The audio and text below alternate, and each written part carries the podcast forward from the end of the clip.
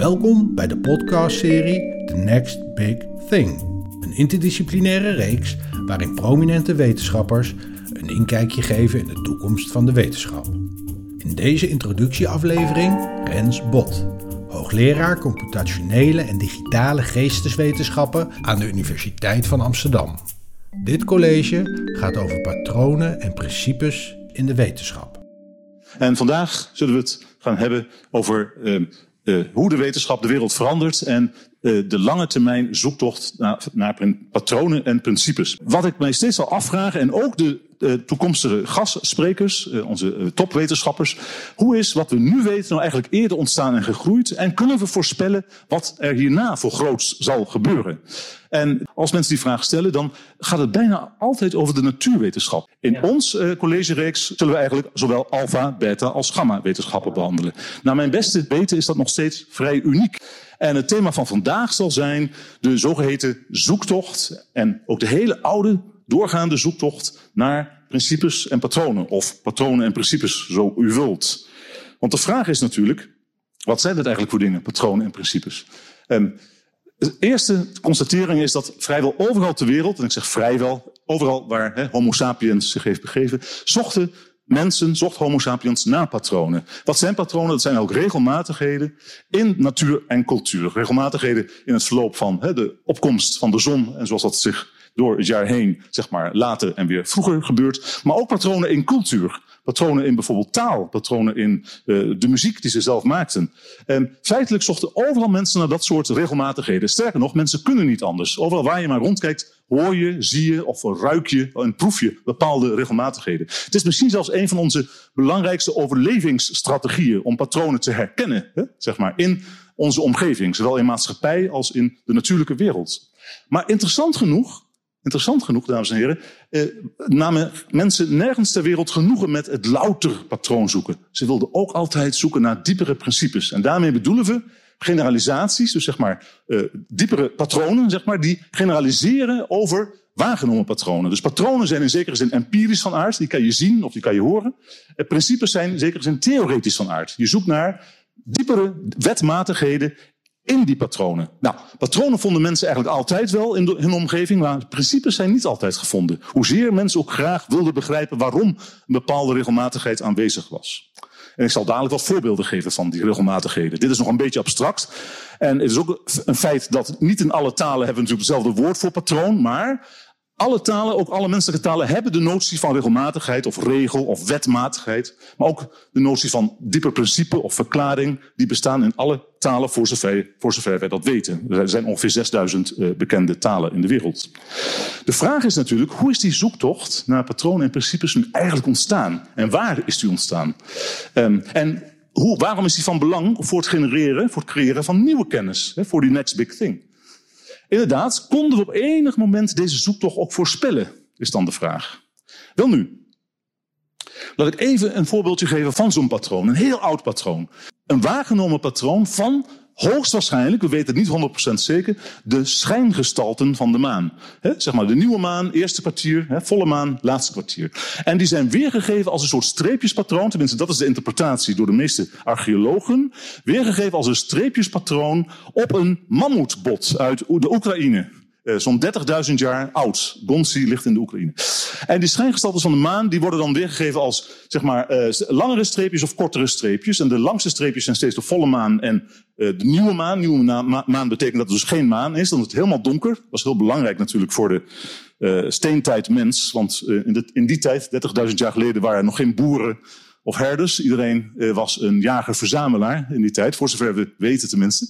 En het was dus heel nuttig om ongeveer te kunnen voorspellen wanneer het weer volle maan zou worden. Misschien het alleroudste waargenomen patroon ter wereld. Misschien, want zoals u weet, elk jaar vinden er wel nieuwe archeologische ontdekkingen plaats. Dit was natuurlijk een studie van de natuur. Hè. Denk aan de maanverschijnselen, de maangestaltes. Het gebeurt ook in de studie van cultuur. In onze wereld die te maken heeft met wat door de mensen gebouwd en gemaakt is, in plaats van alleen door de natuur.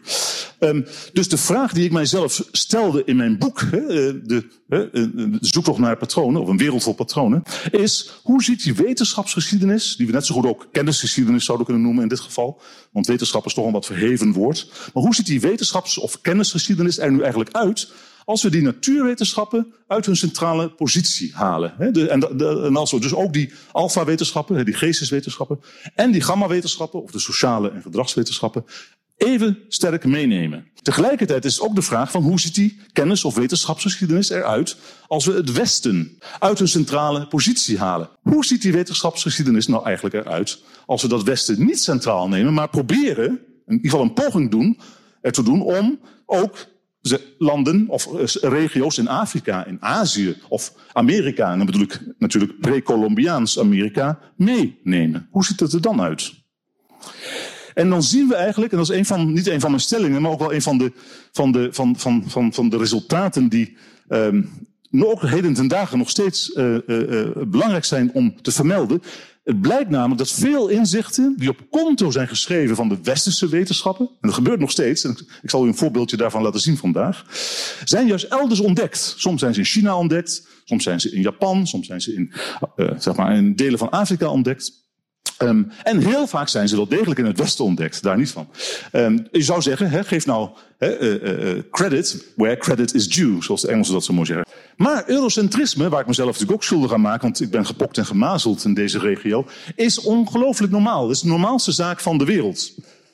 In plaats van eurocentrisme zou je het net zo goed etnocentrisme kunnen noemen. En als je, ik heb een tijdje in, in, in China nou ja, zeg maar, onderzoek gedaan. En daar was het heel duidelijk dat er sprake is van een sinocentrische, een China-centrische benadering. Dat mensen juist China centraal stellen in die wetenschapsgeschiedenis. En als je naar India kijkt, zeker heden ten dagen met het toch wel sterke nationalisme in het land, dan is er sprake van een heel sterk indocentrische wetenschapsgeschiedenis. Het ideaal zou zijn, hè, als we dat, als we nou proberen hè, overal recht aan alle, zeg maar, tradities recht te doen, probeer nou alle centra op gelijke voet te behandelen en kijk dan hoe ideeën worden uitgewisseld en waar die uitwisseling plaatsvindt. En dan kan je nog steeds zeggen, de belangrijkste ontdekkingen zijn daar en daar gemaakt. Maar ga er nou niet van tevoren van uit. Dat is de invalshoek. Die invalshoek heb ik trouwens ook gevraagd aan onze gastsprekers. Dus als zij dus de previous big thing gaan behandelen, om zo tot de next big thing te komen, dus de volgende stap in een vakgebied, kijk dan eens ook of zeg maar, bepaalde ontwikkelingen ook buiten Europa hebben plaatsgevonden. Eigenlijk is mijn ideaal, of is ons ideaal, om die zogeheten next big thing te beschrijven vanuit alle mogelijke centra niet haalbaar. Dat zal ik eerlijk moeten toegeven vandaag. Want de meeste bronnen zijn nog steeds Europees en Westers. Um, toch stel ik voor om in ieder geval de bestaande bronnen zoveel mogelijk mee te nemen. Um, kijk, het college van vandaag zal dus eigenlijk gaan om, om, om het weerleggen van twee hele belangrijke, maar toch ook pijnlijke mythes. En voordat we verder kunnen gaan met de rest van dit college, is het belangrijk om die beide mythes te ontkrachten. En de ene is, de eerste mythe zal zijn dat die zoektocht naar patronen en wetmatigheden en die onderliggende principes zou zijn ontstaan in de natuurwetenschap. Dat is niet zo. Het is niet daar ontstaan. Het is waarschijnlijk ontstaan in alle wetenschappen. Maar het is in ieder geval ontstaan in een wetenschap die ouder was dan de eerste natuurwetenschappen. Um, en de mythe 2 is dat vanaf zo ongeveer de vroegmoderne tijd, of in elk geval vanaf de renaissance, uh, dat, dan, dat toen de Europese wetenschappers superieur waren. Ook dat blijkt een mythe te zijn. En ik ben niet degene die die, mythe ontkracht, die mythes heeft ontkracht. Ze zijn al meer dan een jaar of 30, 40, misschien zelfs in sommige gevallen zelfs 50, 60 jaar geleden ontkracht. Uh, nou, die eerste mythe, laat ik het daar nou even op focussen.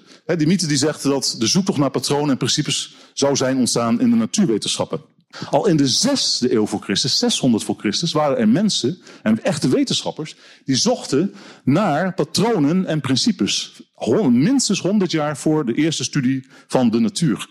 En de naam die u misschien nog niet bekend is, maar die wel behoort tot de allergrootste wetenschappers aller tijden. Dat is Panini. Hij heeft geen verdere voornaam of achternaam. Hij wordt aangeduid als Panini. De klemtoon ligt op de eerste lettergreep. En waarom is hij zo belangrijk voor uh, de geschiedenis van wetenschap? Het is een persoon die erin is geslaagd als eerste om een enorm groot regelsysteem voor een taal, in zijn geval het Sanskriet, dat was zijn uh, zeg maar moedertaal, uh, te creëren. En zo'n regelsysteem noemen wij tegenwoordig een grammatica. Hè? Waarmee je precies kon voorspellen, bijna als een algoritme, het was in feite ook een algoritme. Als je een, zinnetje had, kon je, of een, een, reeks woorden had, kon je aan die hand van die regels vaststellen of die zin grammaticaal was of niet. Of die zin dus zeg maar behoorde tot het Sanskriet of niet. En het onderliggend principe dat Panini gebruikte, dat staat bekend als het principe van recursie. Uh, in het uh, Sanskriet is dat trouwens nyaya, met een nyaya. En recursie is het idee dat een deel uitmaakt van het geheel. En dat gaat eindeloos zo door. En het beroemde voorbeeldje is vaak het Drosten-effect, zoals het heet. U kent het misschien wel. Het is een leuk Nederlands voorbeeldje. Een dame, een zuster kan je wel zeggen, die het pak cacao dat ze in haar hand heeft nog een keer op de afbeelding laat voorkomen. En daar staat weer een kleiner eh, voorbeeldje op. Je kunt ook zeggen het babushka-effect in de Russische babushka-poppetjes. Dat is ook een vorm van recursie. Maar ook in taal heb je dus recursie. En Panini ontdekte dat je met recursie in het aanroepen van bijzinnen in een bijzin zelf, kan je zinnen eindeloos langer maken. En het beroemde voorbeeldje in het Nederlands is bijvoorbeeld, wat je ook wel eens hebt in dat soort liedjes die alsmaar doorgaan. Ik zag de man, die werd gebeten door de hond, die werd gevangen door de hondenvanger, die werd overreden door een tractor, die werd enzovoort. Je kunt dat eindeloos langer maken. Interessant genoeg, en nu komt een hele onverwachte toepassing. Eh, denk aan the next big thing. Wie had het ooit kunnen voorspellen? Interessant genoeg is dat grammatica-formalisme met die noties van recursie, hè, dat een deel, eh, ook een deel kan zijn van zichzelf, hè, ehm, werd de basis voor de grammatica van de eerste hogere programmeertaal. Algol 60. En ik zal daar ook een voorbeeldje van geven. Heel kort, een hogere programmeertaal is een programmeertaal die um, zeg maar zinnetjes gebruikt. Ze heten dan statements, maar het zijn zinnetjes. Die lijken op, het, op natuurlijke menselijke taal. Meestal het Engels. Zinnetjes als if, x, then y. Als x, dan y, y. Of um, while, dit is het geval, while x, do y. Terwijl dit het geval is, doe dat. En dat zijn hogere programmeertalen. Klinkt heel triviaal, maar voor 1960 programmeerde iedereen letterlijk in nullen en enen. Nou ja, het waren assembly language. Uh, ze programmeerden dan in, in hele kleine lettertjes als A, B en AC. Maar feitelijk waren het nullen en enen. En John Backus die gebruikte nou Paninisch grammatica-formalisme um, um, als de basis voor zijn um, programmeertaal Algol 60. Dat een enorm groot succes is geworden. Maar wat nou zo interessant is, is het volgende. Feitelijk is hier dus een toepassing van een idee uit 600 voor Christus, 2600 jaar later pas voor het eerst toegepast is ook fantastisch natuurlijk. Ook een mooi voorbeeld waarmee je misschien politici of beleidsmakers er soms onderuit kunt praten. Als zij aan je vragen, ja, wat is nou het nut van dit idee? Dan zou je kunnen zeggen, nou ja, het kan misschien 2000 jaar duren voordat het een keer wordt toegepast. Zonder dat je dus hè, kunt afvragen van, kunnen we nou het nut van een idee uh, uh, voorspellen? Dus de zoektocht naar patronen en het onderliggende principe van recursie is niet ontstaan in de natuurkunde, maar is ontstaan in de taalkunde. Daarmee is feitelijk mythe 1 weer legd. Nou, dan neem ik een korte pauze van 10 seconden om op adem te komen. En gaan we door naar mythe 2. Dat was die mythe die stelde dat vanaf de renaissance de Europese wetenschappers superieur zijn geworden. Nou, dat is nou een hele stugge mythe. Ook Bertrand Russell, de grote filosoof die een prachtig boek heeft geschreven over de geschiedenis van de westerse filosofie, zegt Arabische wetenschappen prachtig, maar er zat geen enkel nieuw idee bij. Het was allemaal een soort herhaling, herkauwing van de Griekse ideeën. Zijn die Arabische filosofen zijn feitelijk alleen, en ook de Arabische wetenschappers, zegt hij maar voor het gemak erbij, zijn feitelijk alleen belangrijk geweest voor doorgeven van de Griekse kennis aan het Westen. En vaak wordt wel toegegeven door nou ja, belangrijke wetenschapshistorici dat. Um, en dan noem ik mensen als uh, Dijksterhuis met zijn beroemde boek. Misschien kent u dat wel, de, de, de mechanisering van het wereldbeeld. Daarin wordt gezegd, oké, de wetenschappen tot aan zo'n beetje 1500. Die waren ook op heel hoog niveau in India, China en soms ook deels in pre-Columbiaans Amerika en veel minder in Afrika. Want die bronnen kende hij helemaal niet. Als we het hebben over meneer Duisterhuis, die al in de jaren, begin jaren, eind jaren 50 is overleden van de vorige eeuw. Maar vanaf de Renaissance, zeg maar vanaf circa 1500, worden Europese wetenschappers superieur. Op alle niveaus.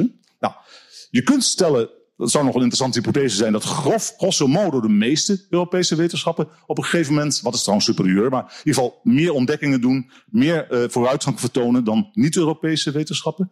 Maar in feite is deze mythe in het algemeen gesteld eh, in elk geval onjuist. En dat is niet door mij ontdekt, ook dit is al door een, een, een, een sinoloog en historicus van de wetenschappen, Joseph Needham, uh, voor het eerst beschreven. Namelijk dat in het geval van de ontdekking van inenting, niet te verwarren met vaccinatie, daar kom ik nog op terug dadelijk. Maar de ontdekking van inenting, die is in elk geval niet voor het eerst in Europa ontdekt. Niemand weet precies waar die is ontdekt, maar in elk geval komen we de praktijk van inenting al tegen in 16e eeuws China. Um, de Ming-dynastie, dat is eigenlijk waar we inenting voor het eerst tegenkomen. Nou, in Europa wordt inenting, gek genoeg, nou ja, gek genoeg, het is toch een vorm van etnocentrisme, kun je zeggen, vrijwel volledig toegeschreven aan juist Edward Jenner. De meeste die een beetje wetenschapsgeschiedenis lezen, die weten dat eind 18e eeuw ontdekt Jenner de vaccinatie, zeg maar, het vaccin, de inenting, grosso modo. Maar dat ligt dus iets anders. En wat wij zien, en daar hebben we ook prachtige plaatjes van uit de 16e eeuw, en we hebben er ook uh, geschriften over, meerdere bronnen zelfs. Uh, daarin wordt precies beschreven hoe korstjes van pokkenwondjes, van mensen die het hebben overleefd vooral, van pokkenwondjes worden afgeschraafd. Het, het zit wat, het zit, klinkt niet erg aantrekkelijk als je dat uitlegt, maar het wordt afgeschraapt, het wordt fijn gestampt, vaak ook vermengd met poeder trouwens, ja, verdund met poeder, zodanig dat het nog maar heel licht hè, uh, ziekmakend is. Vervolgens wordt het in de neusgaten van kinderen geblazen. Heel interessant. Heel klein beetje. En in meer dan 99% van de gevallen, maar niet 100%, dat zal ik er maar meteen bij zeggen, werden kinderen slechts een klein beetje ziek. Ze werden dan tijdelijk afgezonderd, een weekje of zo. En vervolgens werden ze immuun. En feitelijk moeten we ook hier uh, zeggen dat de pokken, dat was een van de meest tragische ziektes die de mensheid ooit heeft gekend. We weten dat 10% van alle mensen zijn overleden in de geschiedenis van de mensheid aan pokken. En als je ziek werd, had je maar een kans van 2 op 3, dus ongeveer minder dan 70% om te overleven. Een derde van de personen die ziek werd, die stierf. Heel verdrietig was dat. De vraag is, was die ontdekking van uh, um, inenting in China, was, dat nou ook een vorm van traditionele geneeskunde of niet? Waarom is die vraag interessant? U zegt, waarom is dat nou zo'n vorm van empirische geneeskunde? Die vraag is interessant, want die hele inentingsmethode, wat ook wel inoculatie heet, in het Engels in, is inoculation gewoon gelijk aan inenting. In die inoculatie via dit neusgat was in China, in Ming-China, volledig geritualiseerd. Bij jongens moest het in het linkerneusgat worden ingeblazen, bij meisjes in het rechterneusgat, anders zou het niet werken. Nou, dat is natuurlijk niet zo, dat weten we ondertussen. Um, maar het was wel om die reden dat de Europese waarnemers, die voor het eerst die, zeg maar, die, die Chinese praktijk van inenting waarnamen, die dus zo sterk geritualiseerd was, dat zij dat zagen als een vorm van bijgeloof. Ze zeiden, ja, dat kan niet werken. En toch, en dit is nog steeds een van de meest fascinerende vragen, die ik nog steeds niet kan verklaren, werd dat patroon van Chinese inenting, dus dat ontdekte patroon, dat men niet helemaal kon verklaren, ehm, werd overgenomen in het nabijgelegen China, eh, India, pardon, vervolgens overgenomen door het Ottomaanse Rijk. En het is zelfs tot aan Ethiopië en in West-Afrika uh, gesignaleerd, die praktijk van het inoculeren van kinderen. En het heeft ook ontzettend veel kinderen het leven gered.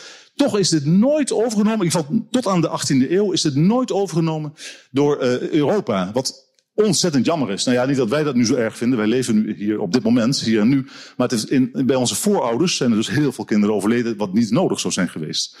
De inentingspraktijk is zelfs onder de slaafge, slaafgemaakten getransporteerd naar de VS, waarbij die ook alleen maar werd toegepast, overigens, onder de slaafgemaakten. Ook daar hebben we ondertussen heel veel bronnen over. Een heel fascinerende geschiedenis. Ook prachtige boeken over geschreven.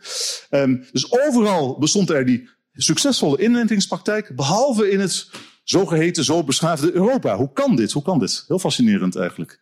Misschien is het toch het voordeel dat er dus geen goede ideeën konden voortkomen uit andere regio's. Misschien is dat toch het voordeel geweest. Maar er is sprake van een omslag. In de vroege 18e eeuw, en in dit geval echt te danken aan een vrouwelijke schrijfster, een wetenschapster was ze ook, zeker een geesteswetenschapper, Lady Montague, Maria Montague. Dat was de vrouw van een Britse diplomaat. Zij had zelf niet een baan.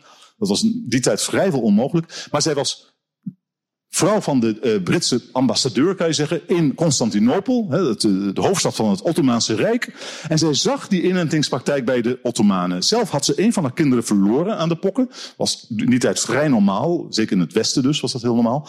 En zij paste vervolgens, en dat is dus bijzonder moedig geweest van haar, die inentingspraktijk van die barbaren, zoals uh, de Engelsen toch wel vaak de Ottomanen noemden, paste zij gewoon toe op haar andere kinderen, die, ze, die daardoor immuun werden. Nou, en bij terugkeer in Engeland ze, is er ook in geslaagd om de toenmalige kroonprins ervan te overtuigen om zijn kinderen, die vervolgens koning werd, om zijn kinderen het te laten inenten volgens die Chinese, of zij noemden die eigenlijk nog de Ottomaanse methode. Ze wist niet dat hij uit China kwam. Um, er was zelfs een verhaal dat hij uit Circassië kwam, een deel van het Ottomaanse Rijk. Maar zij passen dus, zoals we nu weten, die Chinese methode toe op de kinderen van de Engelse koning. Aanvankelijk kroonprins, vervolgens koning. En de inenting verspreidt zich dan in Europa. Het wordt een redelijk succesverhaal. Niet super een succesverhaal, maar het is nog steeds fascinerend te zien hoe het zich verloopt. Na Engeland is de het eerste land is de Republiek der, der Zeven Verenigde Nederlanden, zeg maar voorloper van het huidige Nederland, waar die inentingspraktijk breed wordt overgenomen. Zo'n 50 tot 53 procent van de kinderen wordt op die manier geïnoculeerd. Maar nog steeds relatief weinig. Waarom is dat ook weinig? Ook omdat 1 procent van de kinderen werd wel heel ziek ervan. Dus 10 procent uh, uh, uh, dode kinderen zou je hebben als je niet zou inenten. Slechts 1 procent dood, hè, stervende kinderen als je het wel zo inenten. Maar dat is nog steeds misschien relatief weinig. Um, Frankrijk verbiedt bijvoorbeeld inenting. En Voltaire beschuldigt vervolgens in een van zijn beroemde brieven, een van zijn beroemde Persische brieven, de assemblée van schuld aan duizenden kinderdoden. Want ze hadden wel degelijk heel veel kinderen kunnen redden. Nou, totdat, en nu komt Edward Jenner op het toneel. Jenner was een arts, Britse arts, die heel goed hè, de Chinese inoculatiemethode kende. Het was algemeen bekend in Noordwest-Europa tenminste. Maar hij stelde vast, en dat was een toevallige vaststelling, nou, het was wel ook algemeen bekend dat koemeiden, of hoe noemen ze ook alweer, boerenmeiden, die de koeien molken, dat werd vaak gedaan door boerenmeiden, die waren over het algemeen, kregen geen pokken. Dat was heel gek. Dus, dus als je je bezig hield met, met het melken van koeien, dan kreeg je zelden uh, de pokkenziekte uh, te pakken. En waar lag dat nou aan? Uh, stelde Edward Jenner voor, dat lag aan het feit dat die meeste van die boerenmeiden al een vorm van koelpokken hadden meegemaakt. En als je de koelpokken, die niet uh, dodelijk is voor mensen, je weet hooguit kreeg je wat uitslagen van en wat bulten op je hand.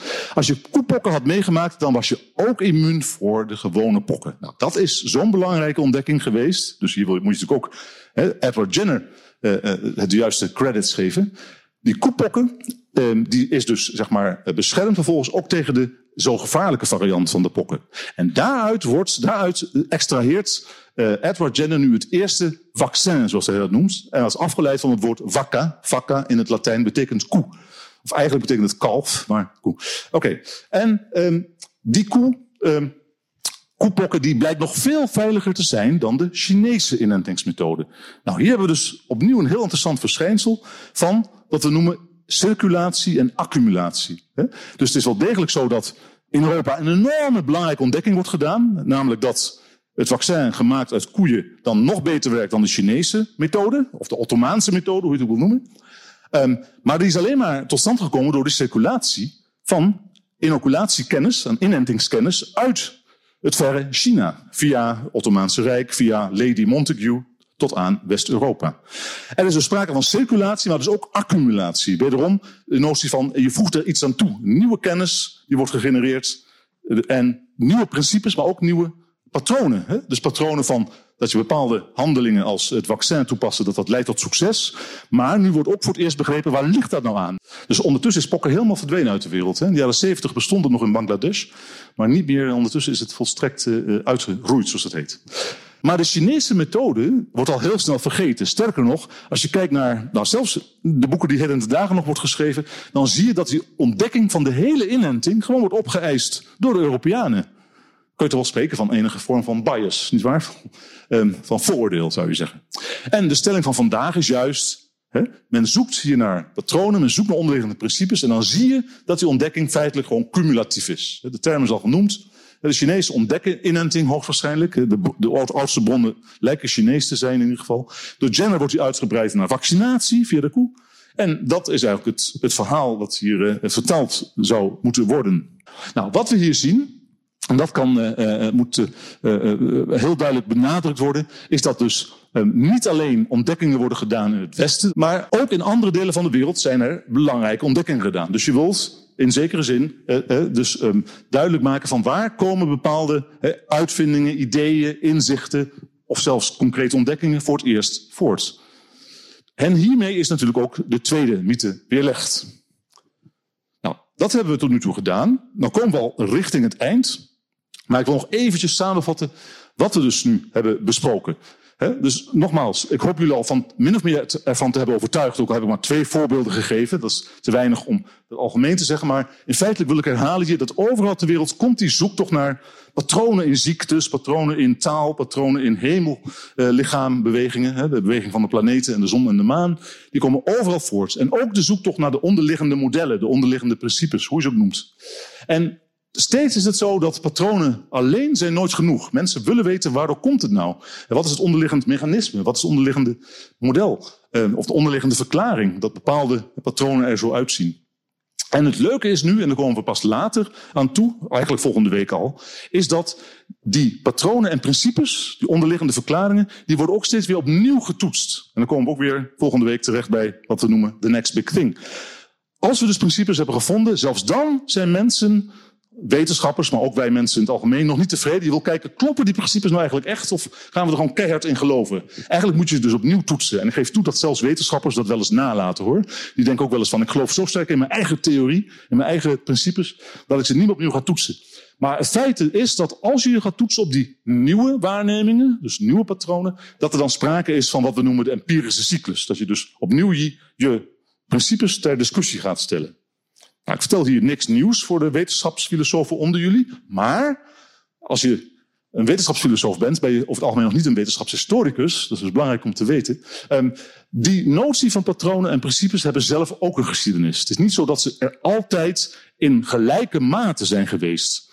Zoiets als een empirische cyclus kom je bijvoorbeeld pas vrij laat tegen. Um, dus het interessante is dat je ook een, en hier spreek toch, kunnen we toch weer over die next big thing uh, te komen, te spreken komen. Het interessante is dat je vanaf de steentijd, dan hebben we het vooral over de tijd, hè, de, wat we noemen de vroege, de oude steentijd, het Paleolithicum, dus zeg maar voor 12.000 jaar geleden, voor de landbouwrevolutie.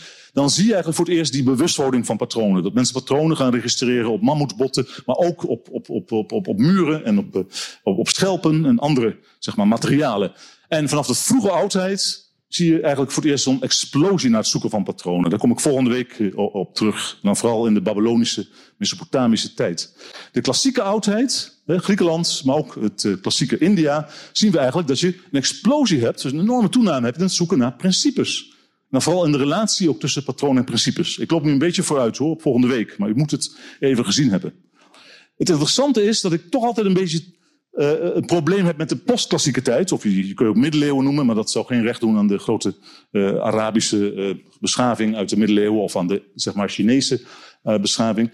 Dus vaak spreken we tegenwoordig over de postklassieke tijd. Wat je wel ziet in die tijd is dat er een enorme reductie van principes is. Dus dat mensen op zoek gaan naar zo min mogelijk principes. Daar zullen we ook nog over gaan praten.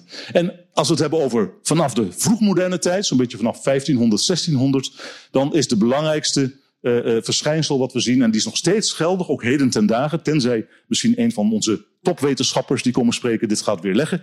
Nog steeds is het zo dat het belangrijkste uh, zoektocht binnen... Als we ons echt richten op puur hè, de wetenschap aan zich, dus niet naar de externe contextuele factoren, maar de wetenschappelijke praktijk op zich, dan zie je dat die interactie tussen patronen en principes, die empirische cyclus, heel sterk centraal wordt gezien. Maar oké, dat is enigszins controversieel aan het worden, heden ten dagen, maar daar zullen we nog op terugkomen. Nou, de conclusies voor vandaag is in feite dat er, eh, eh, zoals ik al zei, aan de ene kant is er circulatie van kennis, wetenschap is overal ter wereld ontstaan, maar tegelijkertijd is het ook cumulatief. Hoe traag ook. Het kan soms 2.500 jaar duren voordat er weer iets nieuws aan wordt toegevoegd. Um, en tegenwoordig gaat dat dan een stukje sneller met die enorme internetrevolutie. Maar er is sprake van circulatie en cumulatie, accumulatie. En onze stelling is ook dat door kenniscentra en wetenschappen overal ter wereld op gelijke voet te behandelen en op zijn minst dat te proberen, hoe moeilijk dat ook is, kunnen we komen tot zo'n mondiale eh, kennis- en wetenschapsgeschiedenis. En dat is dus ook de belangrijkste conclusie voor vandaag. Dus we hebben twee mythes ontkracht en we hebben laten zien dat, dat, kennis zeg maar, toeneemt door circulatie en accumulatie. En waar we volgende week over zullen gaan hebben, dan kom al tot het eind van vandaag, eh, de lezing van vandaag. Waar we het volgende week over zullen gaan hebben, is um, die enorme tweestrijd tussen die natuurwetenschappen en de zogeheten cultuurwetenschappen. Is er nou echt twee grote verschillende vakgebieden of zit er een bepaalde relatie tussen die twee? Waarom is dat van belang? Dit is van belang omdat een groot aantal, ongeveer de helft, van onze sprekers zullen uit de natuurwetenschappen komen en de andere helft, grosso modo, uit de cultuurwetenschappen. En daar bedoelen we mee zowel de alfa als de gamma wetenschappen in dit geval. Dank u wel.